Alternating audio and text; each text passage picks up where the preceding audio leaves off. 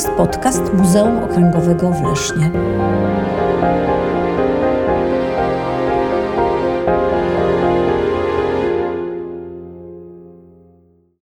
Czym jest film? Kiedy i gdzie powstał? Na czym polega wyjątkowość tej sztuki? Kim jest tajemnicza postać Ottomara Anszyca? A co najważniejsze, w jaki sposób miasto Leszno ma z tym wszystkim związek? Odpowiedzi na te pytania uzyskają Państwo słuchając rozmowy z Wojciechem Otto, filmoznawcą, profesorem UAM. Zapraszam.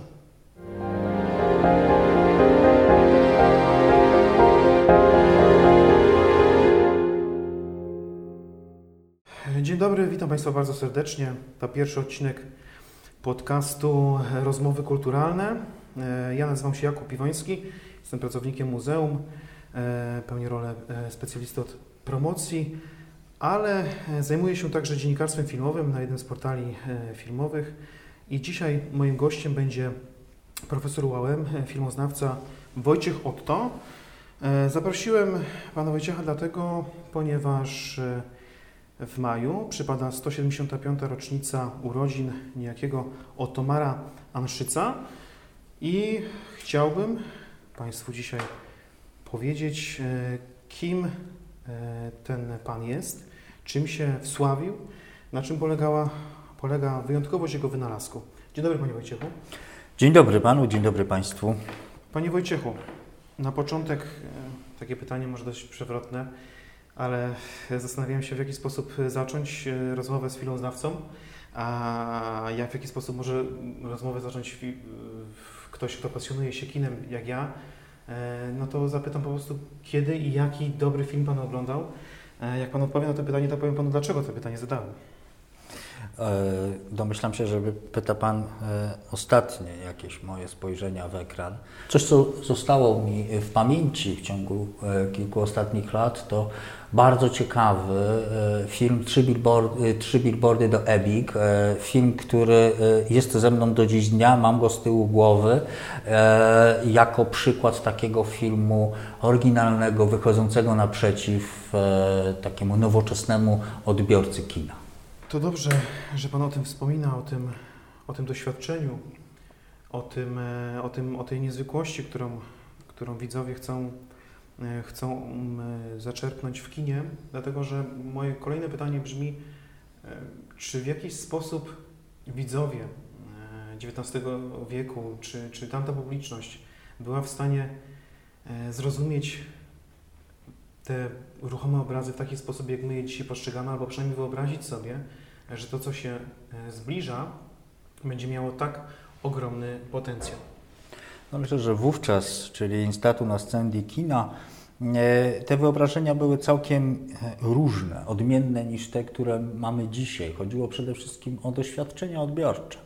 Takich doświadczeń po prostu nie było. Dzisiaj od najmłodszych lat obcujemy z ruchomymi obrazami, z telewizją, jesteśmy bombardowani mm, e, obrazami.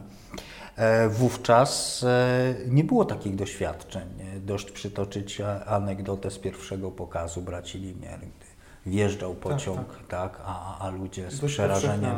e, legenda miejska mówiąca Tak. o, tym, o tym szoku, który wywołała wjeżdżająca e, lokomotywa. E, Więc te, mm, te doświadczenia były, były całkiem inne. E, Jedno myślę, co, co może łączyło e, tamtego odbiorcę i dzisiejszego, to taki pewien pęd do poznawania świata. E, Ten świat y, zaczął powoli stawać się globalną wioską. Dzięki rewolucji przemysłowej, e, dzięki możliwościom szybszego transportu, e, dzięki rozmaitym udogodnieniom technicznym. Prasie pojawił się prasa. Oczywiście, że prasa, tak, e, ona się rozpowszechniła wówczas bardzo mocno. Dzięki właśnie tym mm, e, nowym zjawiskom e, człowiek zaczął coraz szybciej ten świat poznawać i z większą ochotą sięgał właśnie do rozmaitych nowości, do fotosów, fotografia zaczęła inspirować, fascynować, no a później żywe fotografie, ruchome obrazy. Tak.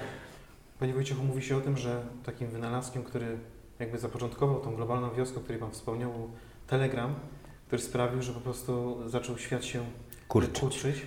E, Ale mm, ja chciałbym wyjść od, od fotografii, o której Pan wspomniał. XIX wiek.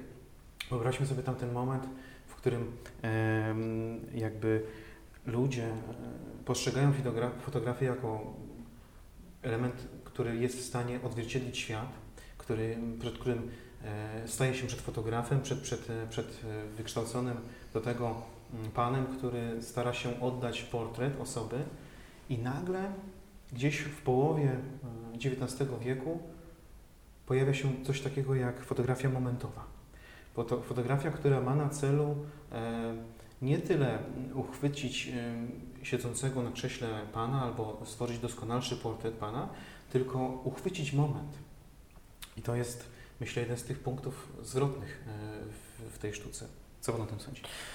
Się tak, że e, fotografia ma kilka różnych aspektów. Ten pierwszy, em, o którym, o którym Pan wspomniał, to jest fotografia rodzinna. E, Swego rodzaju modą stało się pójście przynajmniej raz w życiu do e, salonu fotograficznego, ażeby no, zostawić coś potomnym. Czyli zostawić swój wizerunek, wizerunek własnych dzieci. No i to była wielka wyprawa, taka celebrowana. Wychodziło się właśnie mm, któregoś dnia, wcześniej się umówiwszy u fotografa, wychodziło się e, no właśnie na takie spotkanie e, z fotografią. No i no właśnie, ta fotografia później była e, przechowywana bardzo skrzętnie jak biżuteria mm, rodzinna, prawda? E, No i to próbowano zostawić e, potomnym. To, to, było tak, to był taki pierwszy cel mm, e, właśnie tej wizyty u fotografa, żeby coś na moment zatrzymać w tym kadrze, uwiecznić, żeby to była ta pamiątka, ta chwila. No i później przekazywało się to mm, potomnym, był to taki swoisty dokument epoki. Tak to można powiedzieć. No, później fotografia się oczywiście udoskonalała, no i e, robiono wszystko, ażeby e, ona po pierwsze była lepszej jakości, a nie jakaś rozmazana twarz, tylko lepszej jakości. No a później już próbowano odtwarzać życie takim, jakim było naprawdę, bo przecież życie się toczy, Tak. jest rytm, jest ruch. No a to zapewniał e, kinematograf, a wcześniej mnóstwo innych wynalazków, które do niego prowadziły. Tak, tak, no bo trzeba też brać pod uwagę, że my skupiamy się na XIX wieku, ale te ruchy o, w- mające na celu pokonanie bariery ruchu zaczęły się już znacznie wcześniej, e, w XVII-XVIII wieku, ale przecież jeśli można nawet sięgnąć do starożytnych rzeźb, do dyskobola, gdzie jakby te pragnienie e, jakby pokazania tego, co dzieje się dalej, Mhm. wśród tych artystów było od samego zarania dziejów, e, więc e, można powiedzieć, że po prostu obserwując sztukę, obserwując jej ewolucję, e, nadejście filmu było taką naturalną konsekwencją e, e, rozwoju sztuki. No tak, e, rozwoju w ogóle człowieka jako takiego, myślenia o człowieku, e, o jego miejscu w świecie. No, obserwowano e, otoczenie, obserwowano najbliższe otoczenie, dalsze otoczenie. Człowiek, jak mówiłem, był e, chętny poznawania, tak? poznawania także samego siebie. No i e, najpierw fotografia, później mnóstwo innych wynalazków e, miały temu służyć, ażeby ten świat, który e, zaczął nagle pędzić, żeby ten świat uchwycić w jakiś sposób. No, fotografia to jest ten tylko moment, a żywe fotografie, ruchome obrazy zapewniały odtworzenie świata, oczywiście jeszcze niemego, oczywiście jeszcze w czerni i bieli tylko, ale to już był ten ruch, namiastka życia. E, Możemy powoli przejść do naszego bohatera. e, Otomar Anszyc to jest rok 1846, gdy Otomar przychodzi na świat. Mm, Dlaczego wybraliśmy akurat jego postać? E, dwa powody. Po pierwsze dlatego, że urodził się w Lesznie.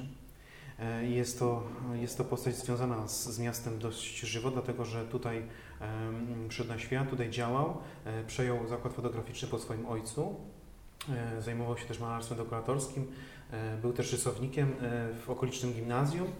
No i Otomar Anszyc później w wieku około 30 lat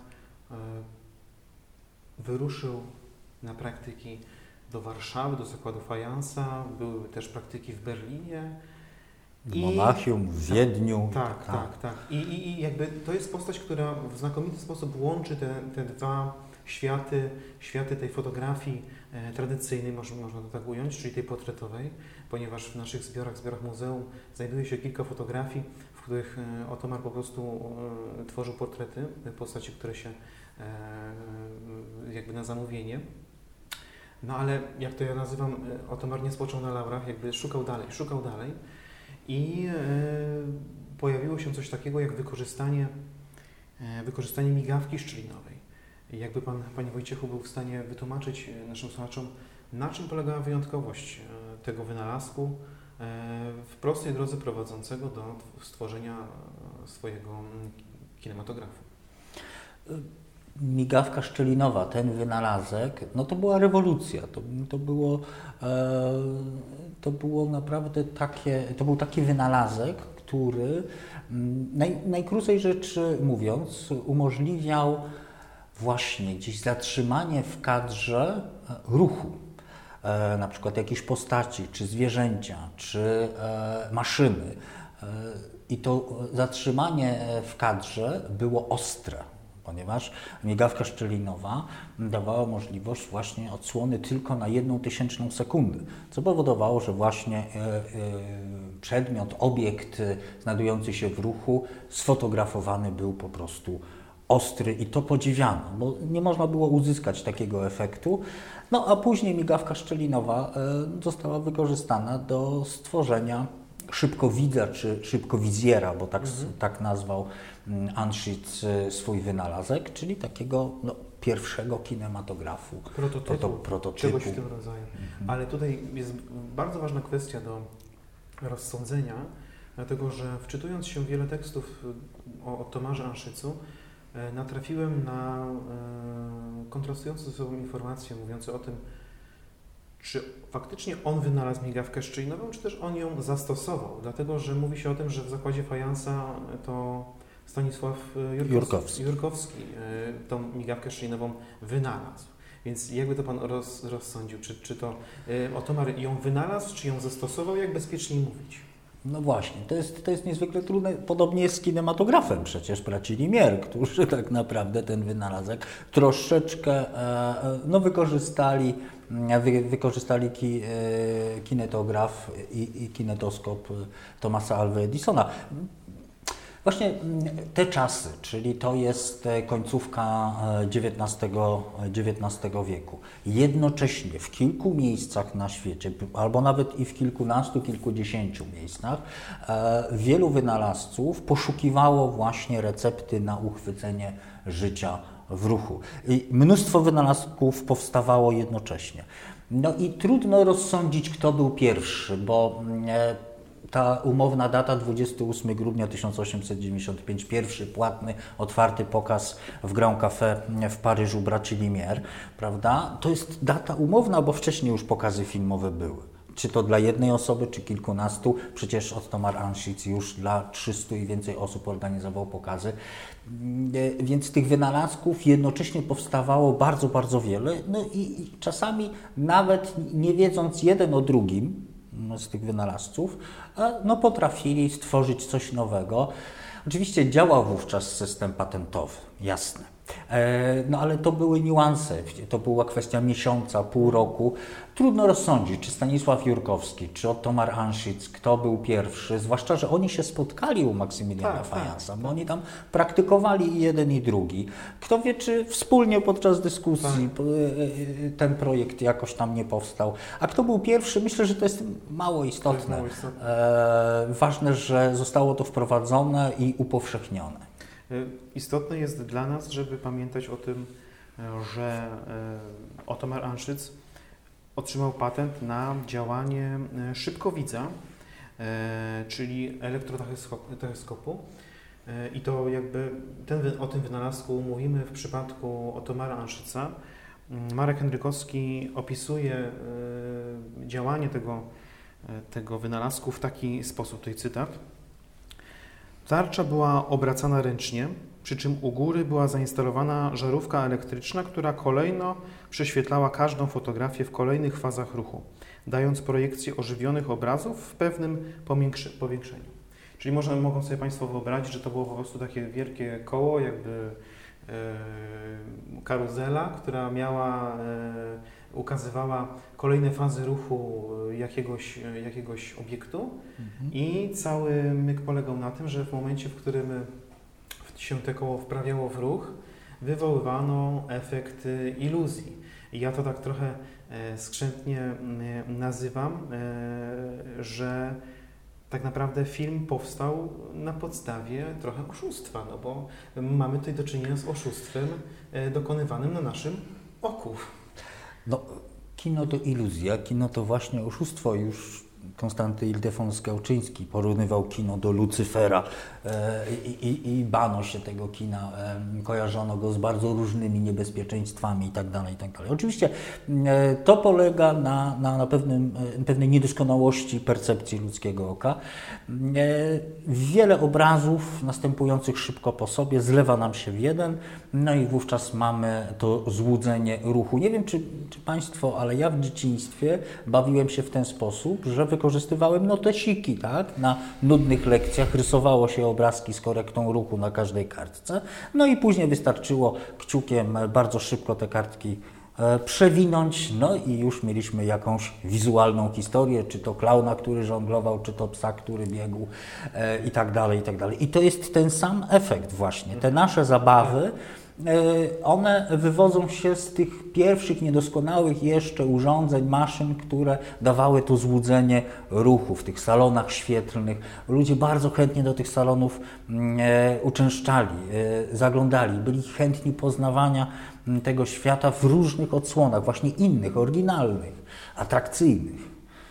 E, To też jakby taka mała dygresja. W jakiś sposób e, takich momentach, jak mówię, przypominam sobie te karteczki e, z rysowanymi postaciami i wprawianymi w ruch, e, kojarzy mi się wówczas e, film mocno z komiksem i nie da się ukryć, że te dwie sztuki mają bardzo wiele wspólnego ze sobą. Ja jako badacz kultury popularnej lubię te dwie sztuki jakoś ze sobą konfrontować, dlatego że one w repozytorium mają wiele wspólnego właśnie ze sprawą tej kadrowości, czyli tego skupieniu na kadrze, zamknięciu akcji w kadrze, ale także na potrzebie właśnie pokonywania ruchu, jakby poko- pokonywania go pomiędzy danymi obrazkami. Oczywiście komiks e, nie daje e, pełni, ale stwarza jakby możliwość do wyobrażenia sobie pewnych etapów. Natomiast film tą barierę e, Przełamuje, tak. przełamuje. E, W świetle tego, o czym rozmawiamy, e, bardzo zasadne i myślę interesujące, ważne będzie e, podjęcie kwestii daty powstania e, filmu, kinematografii, bo to jest dla mnie niezwykle, nie- niezwykle ciekawa rzecz, że w podręcznikach e, w his, hi, historii widnieje data 1895 rok, która mówi o tym, że przywołuje pierwszy publiczny pokaz braci Lumie, jakby e, w ten sposób premiuje się ich wynala- wy- wynalazek. I ja myślę, że jesteśmy winni naszym słuchaczom to, żeby wytłumaczyć im, dlaczego w ten sposób, dlaczego, dlaczego akurat tą datę uznaje się za, za moment powstania filmu, jeśli wiemy już w toku tej rozmowy, że już wcześniej, bo, bo 9 lat wcześniej, bo, bo, bo lata wcześniej e, Anschütz e, prezentuje swojego szybkowica, e, czy to w Berlinie, w Warszawie, robi to już furorę. E, Jak to działa? Na czym polega różnica między wynalazkiem Anschütza a tym, co pokazali e, bracia Lumière, czy, czy chwilę wcześniej Edison? Chodzi o powszechność. Ja myślę, że to jest właściwe słowo. Data 28 grudnia 1895 to data umowna.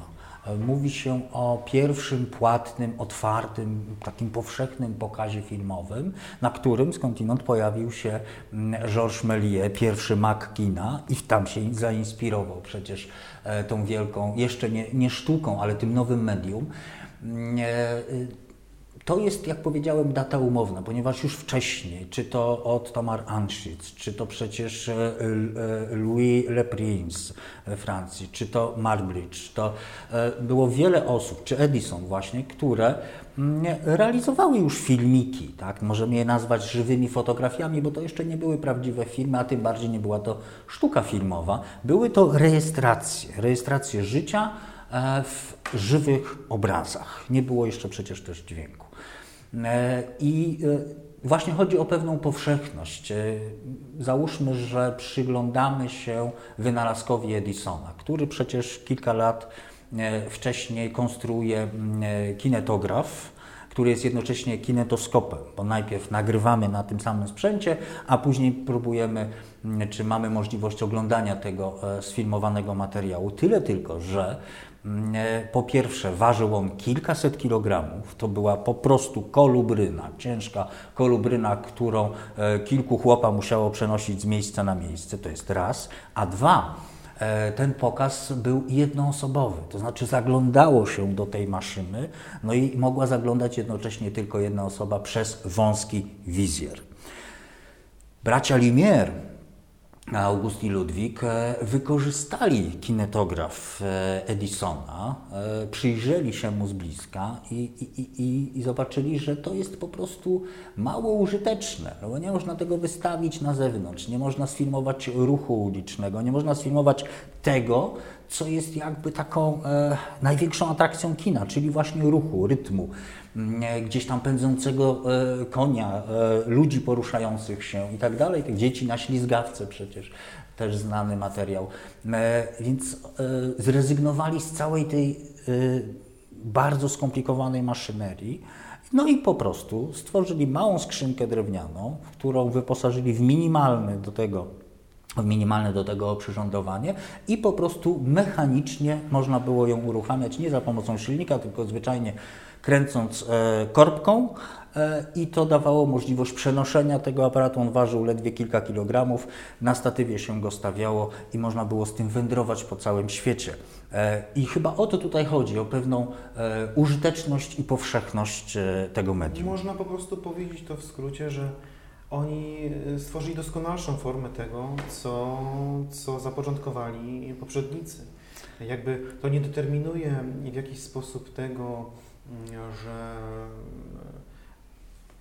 1895 to jest ten moment, w którym się wszystko zaczęło, bo ten początek był wcześniej, ale można powiedzieć, że to ich doświadczenia, to, że oni z, mogli zrobić coś, co było bardziej użyteczne, powsze, bardziej powszechne, sprawiło, że jakieś daty musieliśmy się trzymać i, i tak też się e, trzymamy. Ale to nie zmienia faktu, że nie możemy sobie rozmawiać o bohaterach tych lat wcześniejszych i, i to, też, to też czynimy. Jeden z takich e, e, punktów, który łączy także wspomniany przeze mnie komiks, jest to, że e, zarówno film, jak i komiks wywodzą się ze sztuki takiej masowej, popularnej, można powiedzieć wręcz, wręcz jarmarcznej, sztuki, która nie cieszyła się zbytnią, zbytnim uznaniem, zwłaszcza wyższych sfer, arystokracji. Na czym polegała ta, ta, ta, ta na czym polegało to podejście do, do, do tej sztuki? E, Dlaczego, skąd to uprzedzenie? E, Jak pan sądzi? No tu trzeba by naprawdę długi wywód historyczny, skracam maksymalnie, od razu mówię, żeby Państwa nie zanudzić. E, wszystko z, znowu wywodzi się z tej rewolucji mm, e, przemysłowej, technicznej. E, stało się tak, że mm, e, maszyny zaczęły wyręczać ludzi w pracy. I nagle takiemu przeciętnemu robotnikowi, który spędzał kilkanaście godzin w fabryce, E, Los podarował, załóżmy, przysłowiowe dwie godziny więcej. Dwie godziny wolnego czasu. No i teraz on wraca po pracy do domu. I cóż on ma z tymi dwiema godzinami zrobić? Zastanówmy się. Pójdzie do teatru? No, może pójdzie do teatru, tylko go nie stać, bo bilety do teatru były niezwykle drogie, a poza tym trudne, e, spektakle były trudne w odbiorze. To był, taki robotnik był, mm, e, e, no nie był wykształcony, mówiąc najoględniej. Mm, Bardzo wiele osób w tamtym czasie, na przełomie XIX-XX wieku, chociażby w Polsce, to były osoby niepiśmienne, tak? Wiele osób nie czytało, nie pisało, więc e, trudności w odbiorze. E, Nie pójdzie e, raczej też do muzeum, bo dosyć e, nudne, jeśli, e, jeśli o niego chodzi. Mm, Więc e, e, nie będzie też sięgał po jakąś trudną literaturę, bo nie umie czytać, w ogóle e, nie będzie sięgał także po prasę. Zatem ma te dwie godziny, no i coś musi z nimi zrobić. Najczęściej wybiera się na jakieś wydarzenia sportowe, e, na jakieś pokazy bardzo e, takie masowe. Czyli idąc tutaj za takim myśleniem Ortegi i Gasseta z buntu mas, e, czyli tego rozwoju cywilizacyjnego masowego, poszukuje dla siebie zagospodarowania wolnego czasu. I właśnie naprzeciw wychodzi kinematograf, który jest po pierwsze łatwy w odbiorze, bo taki uniwersalny. Obrazy wszyscy mniej więcej odbieramy podobnie, a po drugie jest tani.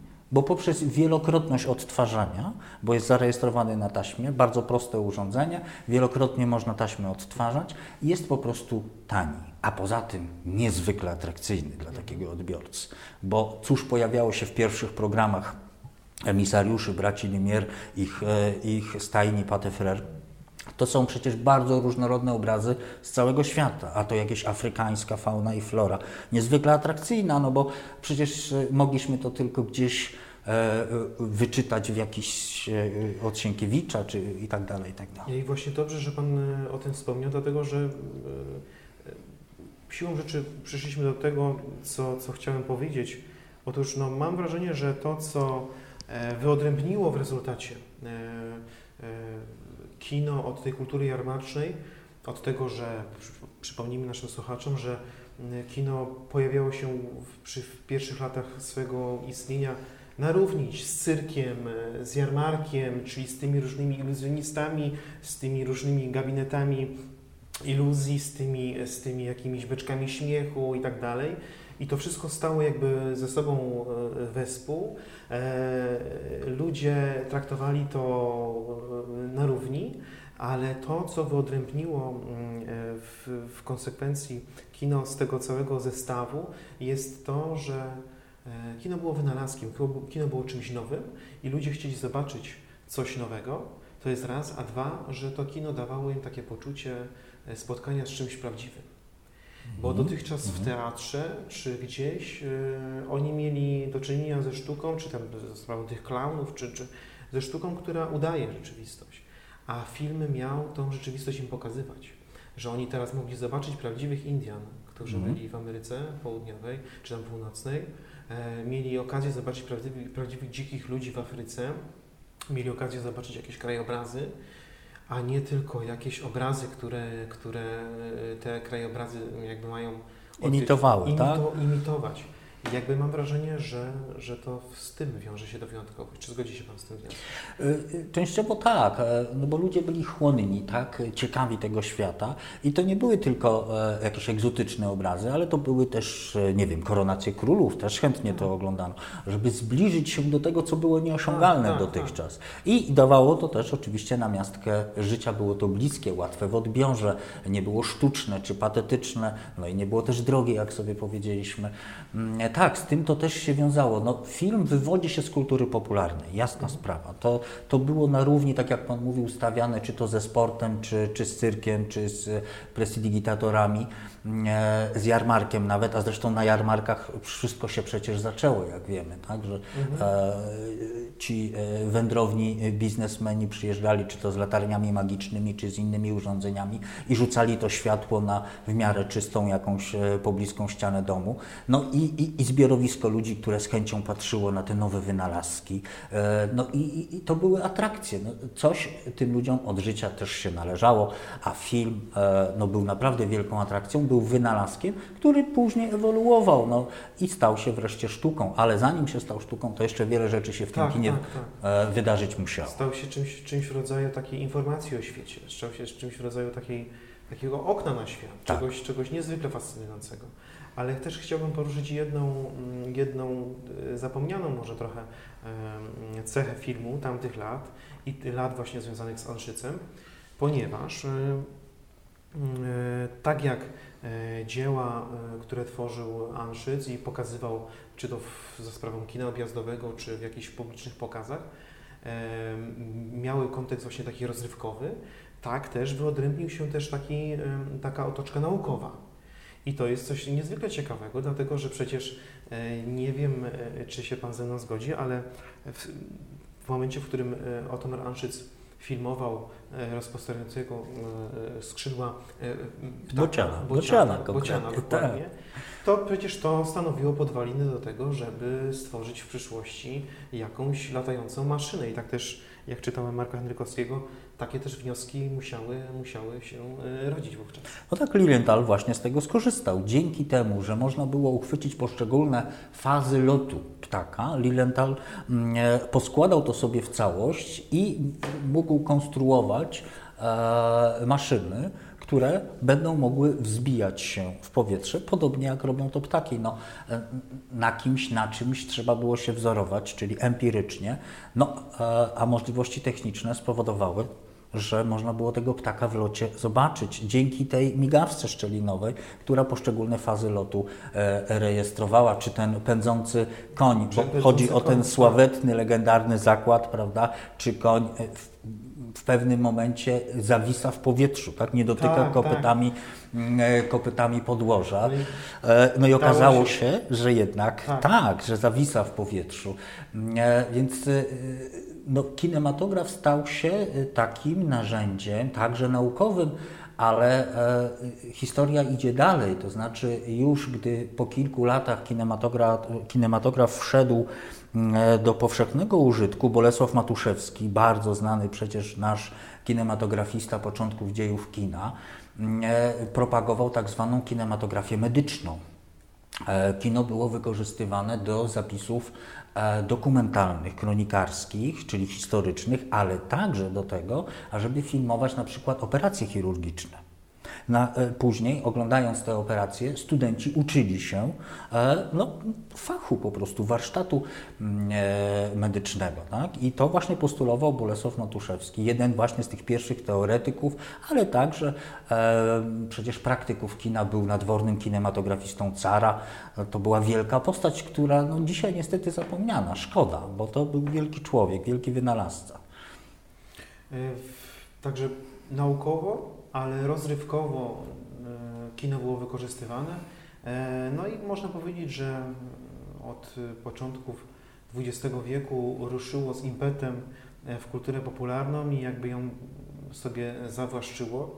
Pojawiły się kina, pojawiły się miejsca, w którym można było oddawać się tym, tym emocjom w, dla siebie, dla rodziny. W ten sposób mm, kino urosło do, do rangi e, sztuki, która, która każdego obchodzi e, i która każdego interesuje. E, Mnie zastanawia taka rzecz, czy uważa Pan, że dzisiaj, z dzisiejszej perspektywy, czy kogoś tam w tym wielkim Hollywood w Stanach Zjednoczonych, czyli w jakby sercu współczesnej kinematografii, nie bójmy się tego tak określić, Czy kogoś tam w ogóle interesuje, jak te korzenie e, daleko sięgają? Czy ktoś się tym, czy ktoś się tym jeszcze dzisiaj przejmuje? Czy to w Niemczech, czy to w dawnej Polsce, czy to we Francji, czy... E, Amerykanie od lat przecież e, uzurpują sobie prawo do tego, żeby Edisona uznać za tego, który to stworzył, jakby chyba nie, nie, nie dopuszczają do siebie innych głosów. Ale czy kogoś to jeszcze obchodzi? Czy dzisiejsza dyskusja o tym, jak zaczęło się kino, coś jeszcze wnosi? Ja myślę, że tak. No, e, ja nawet mam takie przekonanie, że mm, od pewnego czasu y, chętniej sięgamy do tych zamierzchłych e, dziejów kina. Pamiętam, e, niedawno oglądałem materiały z Muzeum Sztuki Nowoczesnej w Nowym Jorku i tam jest ogromny, osobny dział stworzony tylko dla filmu. No, z istotnym, bardzo ważnym miejscem dla naszej Poli Negri, która tam jest wielką gwiazdą e, początków e, kina, tego kina niemego, mm, stawianą obok Czeplina i Valentino. E, Więc tak, sięga się do tej historii kina mm, właśnie z taką trochę łezką w oku, z takim rozrzewnieniem, ale także myślę dlatego, że one czasami służą do pewnej refleksji o tożsamości kina i o tożsamości kulturowej y, y, nas samych. To właśnie kino zaczęło przecież nas stwarzać jako takich. E, Ono dzisiaj y, jest nie tylko mm, e, no, takim zarzewiem kultury popularnej, ale przecież kino jest sztuką i to przez wielkie S. E, To wielcy reformatorzy kina Griffith, Eisenstein i inni, no właśnie spowodowali, że dzisiaj to jest sztuka. I z chęcią przecież powstają takie filmy, w których cofamy się do tamtych czasów, bo to są czasy niezwykle interesujące, barwne, takie egzotyczne dzisiaj dla nas, ale właśnie jednocześnie e, piękne, interesujące.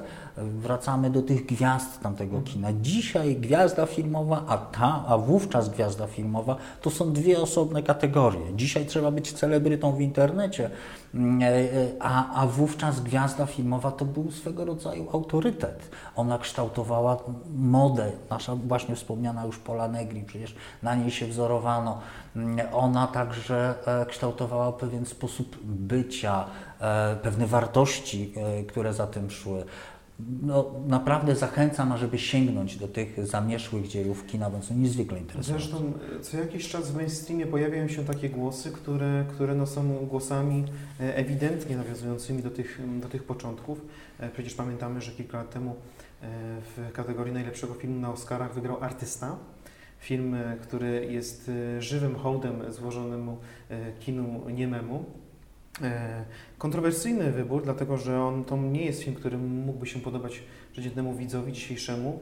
Jest, został nakręcony dokładnie tak jak, e, tak jak po Bożemu można powiedzieć, e, w cz- czerni bieli i tak dalej, i tak dalej, ale w dzisiejszych, w tegorocznych Oscarach mieliśmy na przykład wśród puli nagradzanych był Mank Davida Finchera, nie wiem czy słyszał Pan o tym filmie, czy widział, miał już Pan okazję Nie, jeszcze nie widziałem tego I filmu. to jest film, który też nawiązuje do korzeni, mm, do, do lat, do, jakby do wielkich, do złotej ery Hollywood, gdy scenarzyści e, byli wykorzystywani do tego, by tworzyć gdzieś tam za wielkimi postaciami, tutaj akurat chodzi o Orsona Wellesa, e, wielkie, wielkie filmy i, i po prostu opowiadał historię człowieka, który który no, tworzył cały koncept, a tak naprawdę wielka machina e, przemysłu filmowego zostawiła go, go z tym, tym całym osiągnięciem e, Tak, samego. tak. No, Mankiewicz był wielką postacią wówczas, dzięki Wallace'owi przede Mhm. wszystkim, no bo on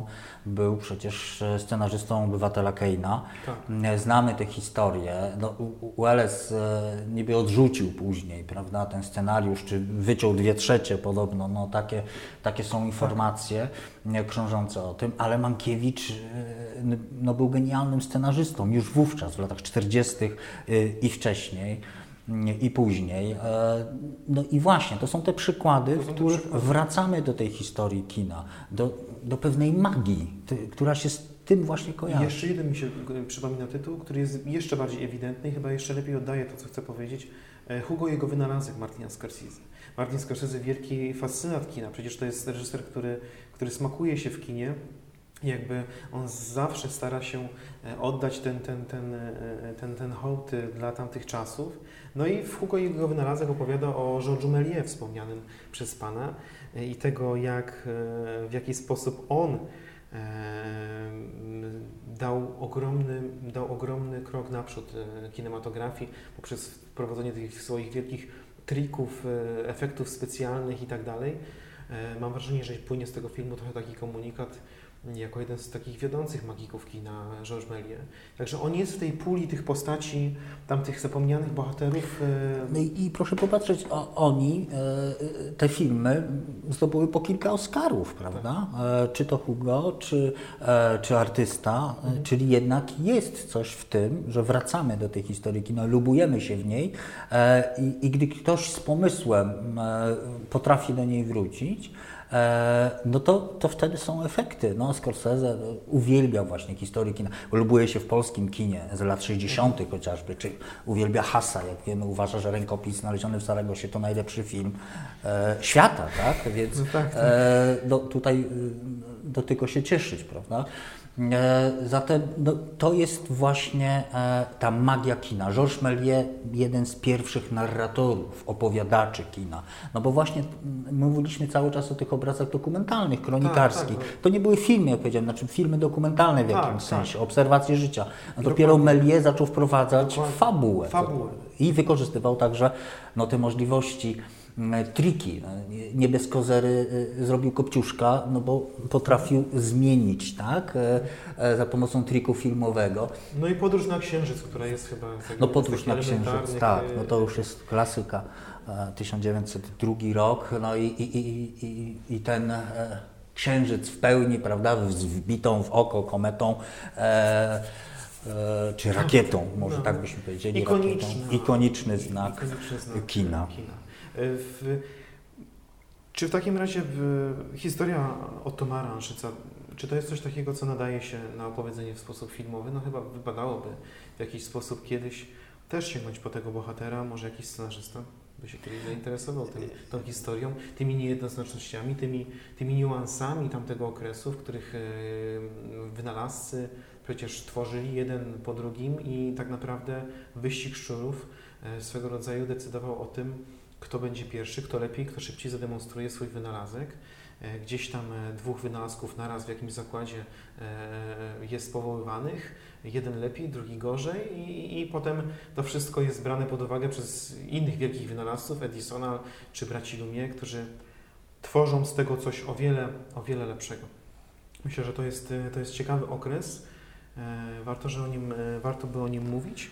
E, jedno z moich takich pytań też wiązało się z tym i po części Pan na nie odpowiedział w poprzednim, w jednym z poprzednich pytań. Czy w takim razie muzeum miejsce, w którym się dzisiaj znajdujemy, paradoksalnie jest dobrym miejscem tego, żeby opowiadać o filmie, no bo mówi się, że jakby taką kolebką, mekką kina jest, jest kino właśnie, czyli, czyli miejsce, do którego idziemy i zapominamy o Bożym świecie, oddajemy się seansowi, ale myślę, że muzeum pod względem takim edukacyjnym dodaje tego, tej całej, tej całej, mm -hmm. całej mhm. otoczce kinematografii czegoś więcej. No tak, zresztą dzisiejsze rozumienie muzeum jest całkiem inne niż jeszcze kilkanaście, kilkadziesiąt lat temu. Dzisiaj muzeum to jest bardzo często e, bardzo nowoczesna placówka, w której wykorzystuje się e, najnowsze osiągnięcia techniki.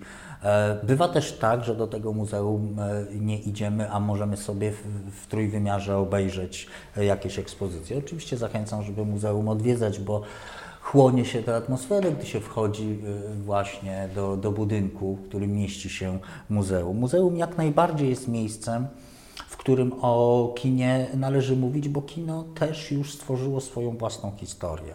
E, jest jakimś tam zjawiskiem, oczywiście jest najmłodszą ze sztuk, e, jeśli uznać, że, że, że właśnie kino, a nie później jakiś jeszcze performance i, e, i tego typu media. Właśnie dziesiąta muza. Dziesiąta muza jest, jest właśnie tą ostatnią, najmłodszą, trochę ponad 100 lat ma, ale no, dla takiego przeciętnego zjadacza chleba, zwłaszcza dla młodego człowieka, 100 lat to jest, to, to jest przepaść. Tak? Ja się mm, czasami mm, pytam na wykładach ze studentami właśnie pierwszego roku, mm, e, żeby e, powiedzieli, przedstawili jakieś tytuły e, starych filmów dla nich. Tak? I mhm. pojawiają się tytuły z lat 90., XX wieku oczywiście. To jest rozumienie starego kina. Dla mnie to jest 100 lat wcześniej, prawda? Dla młodego człowieka współcześnie żyjącego Obecnie stare kino to jest kino sprzed 20, góra 30, 30 y, lat. Gdy oglądają, nie wiem, kino moralnego niepokoju, to to jest zamierzchła, e, zamierzchła przeszłość, nie mówiąc już o polskiej szkole filmowej.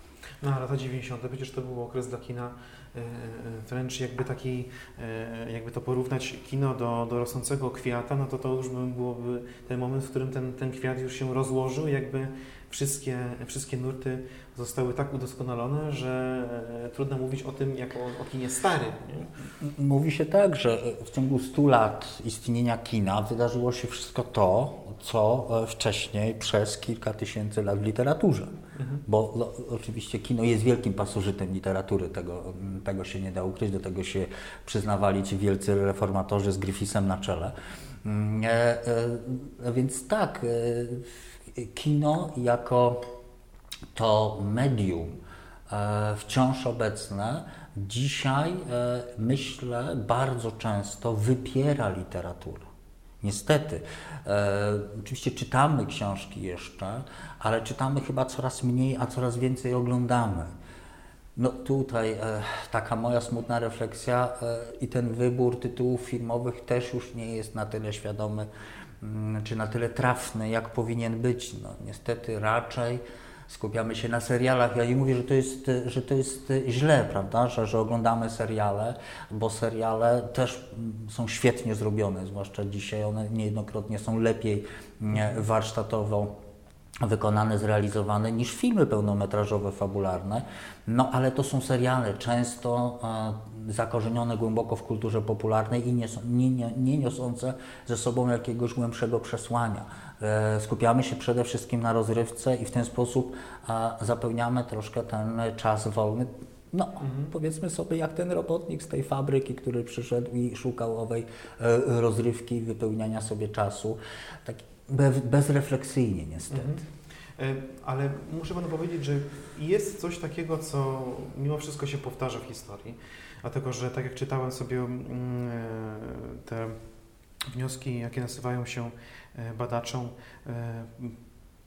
po obserwacji tych pierwszych lat działalności kina, tego kina jarmarcznego i tak dalej, gdy mówiło się o tym, że taśmy to po prostu e, do, do, do zdarcia były puszczane na, na, na tych jarmarkach. W kółko. Ludzie w kółko oglądali te same, te same programy, jakby te same historie przeżywali, albo te, te, te filmiki jeszcze tak na dobrą sprawę, tak jak Pan powiedział, one były pewnego rodzaju obserwacjami świata, jeszcze fabuły nie posiadały, ta fabuła się dopiero e, kilka lat później pojawiła, ale jest coś takiego, że, że wtedy się oglądało to do, do zmęczenia i dzisiaj mamy taki moment, w którym też e, pojawia się pewnego rodzaju zjawisko przesytu. Ja jestem wielkim e, zwolennikiem tego, co, co oferują nam dzisiaj e, platformy streamingowe. Dużo też piszę o serialach Netflixa i tak dalej. I to jest fajne, że, że kino ruszyło z takim impetem, jakby przeistoczyło się, no bo kultura się zmienia, to jest, to jest nieuniknione, że, że, że trochę szukamy tego, tego rozwoju i, i szukamy większej oferty i tak dalej, ale doszliśmy do takiego momentu, w którym jest tego, jest tego tyle, że mam wrażenie, że bardzo trudno momentami się w tym e, odnaleźć. Przynajmniej przeciętnemu widzowi, bo ja jako dziennikarz filmowy jeszcze sobie tam e, to wszystko jakoś rozgraniczę, ale mam wrażenie, że ludzie czasami już nie wiedzą, co, co, co, co kliknąć, co obejrzeć i, e, i, jak e, podejść do kolejnego seansu. No tak, wielokrotnie poruszamy się trochę po omacku tak, w tej naszej kulturze. E, no, gwoli ścisłości, no to fabuła już też pojawiła się, już nawet na tym pierwszym pokazie braci Limier, bo tam jest ten sketch. Polewacz, polewacz trawy. Tak, czy trawy. polewacz, czy ogrodnik polewany, Tak, tak, prawda? Ten, ten, już tam się pojawiają Tak, te tak. namiastki fabuły, ale oczywiście świadomie e, e, robi to dopiero Georges Méliès.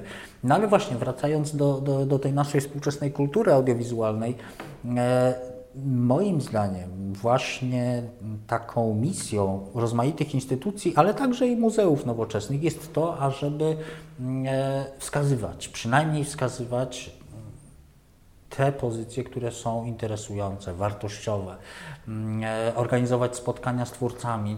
Po prostu cała mm, ta e, kultura filmowa powinna być stymulowana poprzez rozmaite instytucje. Ja mm, swego czasu, jak, e, jak jeszcze studiowałem e, filmoznawstwo, to miałem takiego swojego ulubionego krytyka filmowego mm, i na bazie jego zdania, tak, no polegałem na jego zdaniu. Gdy on coś polecał, to wówczas się do tego kina wybierałem, czy, czy oglądałem w miarę możliwości. I myślę, że dzisiaj też warto sobie kogoś takiego znaleźć, znaleźć sobie autorytet, który, który będzie miał podobny gust do naszego, podobne wartości widział w kinie i iść jak za przewodnikiem. Jego śladem, jego śladem.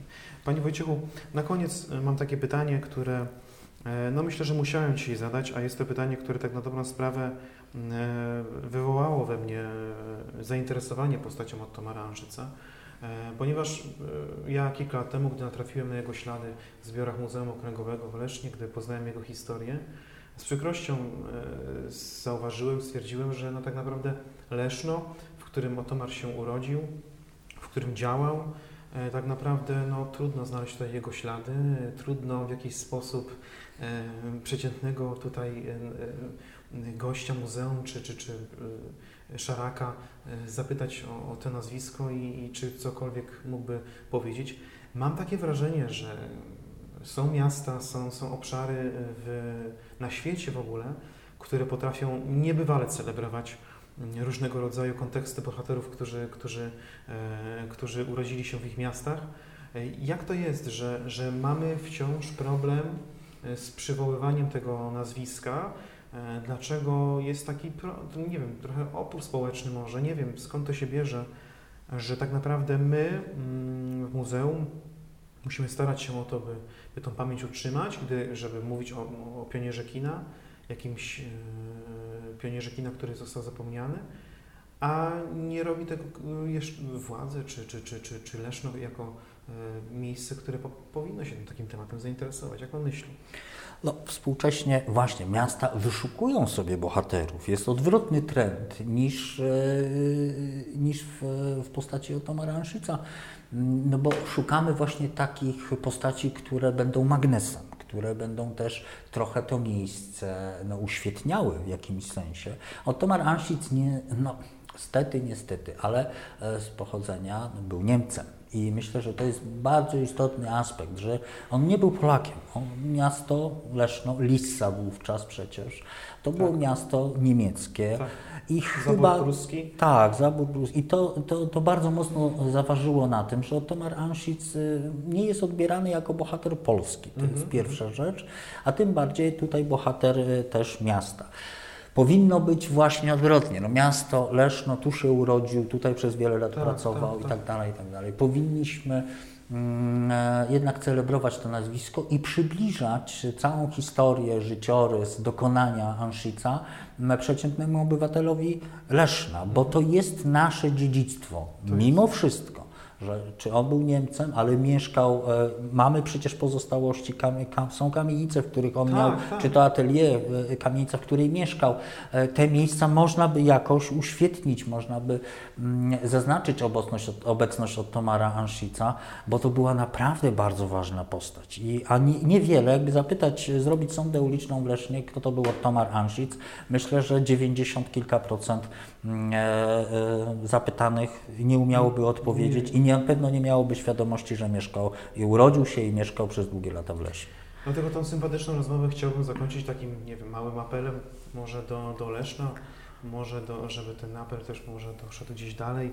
E, w każdym razie taki mały apel mm, o to, żebyśmy postarali się e, gdzieś e, znaleźć mm, e, informacje o tych naszych bohaterach tamtych lat. Otomar Anszyc na pewno do nich należy.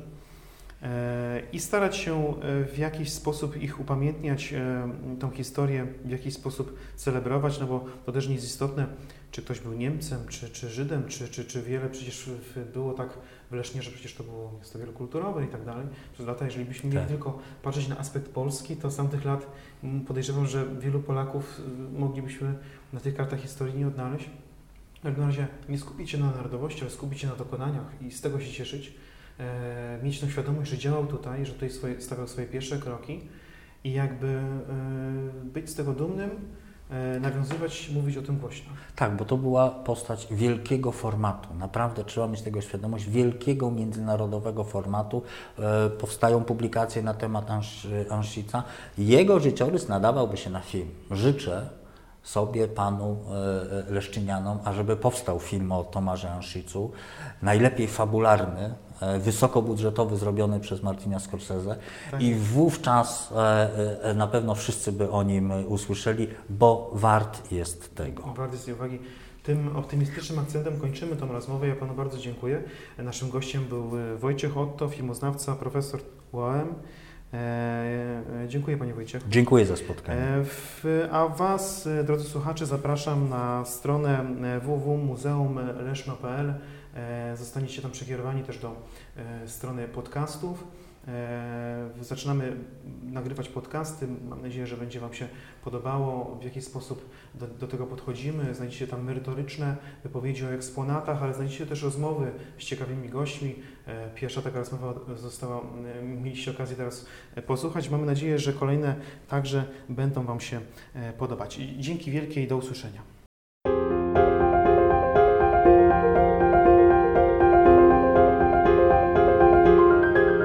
To jest podcast Muzeum Okręgowego w Lesznie.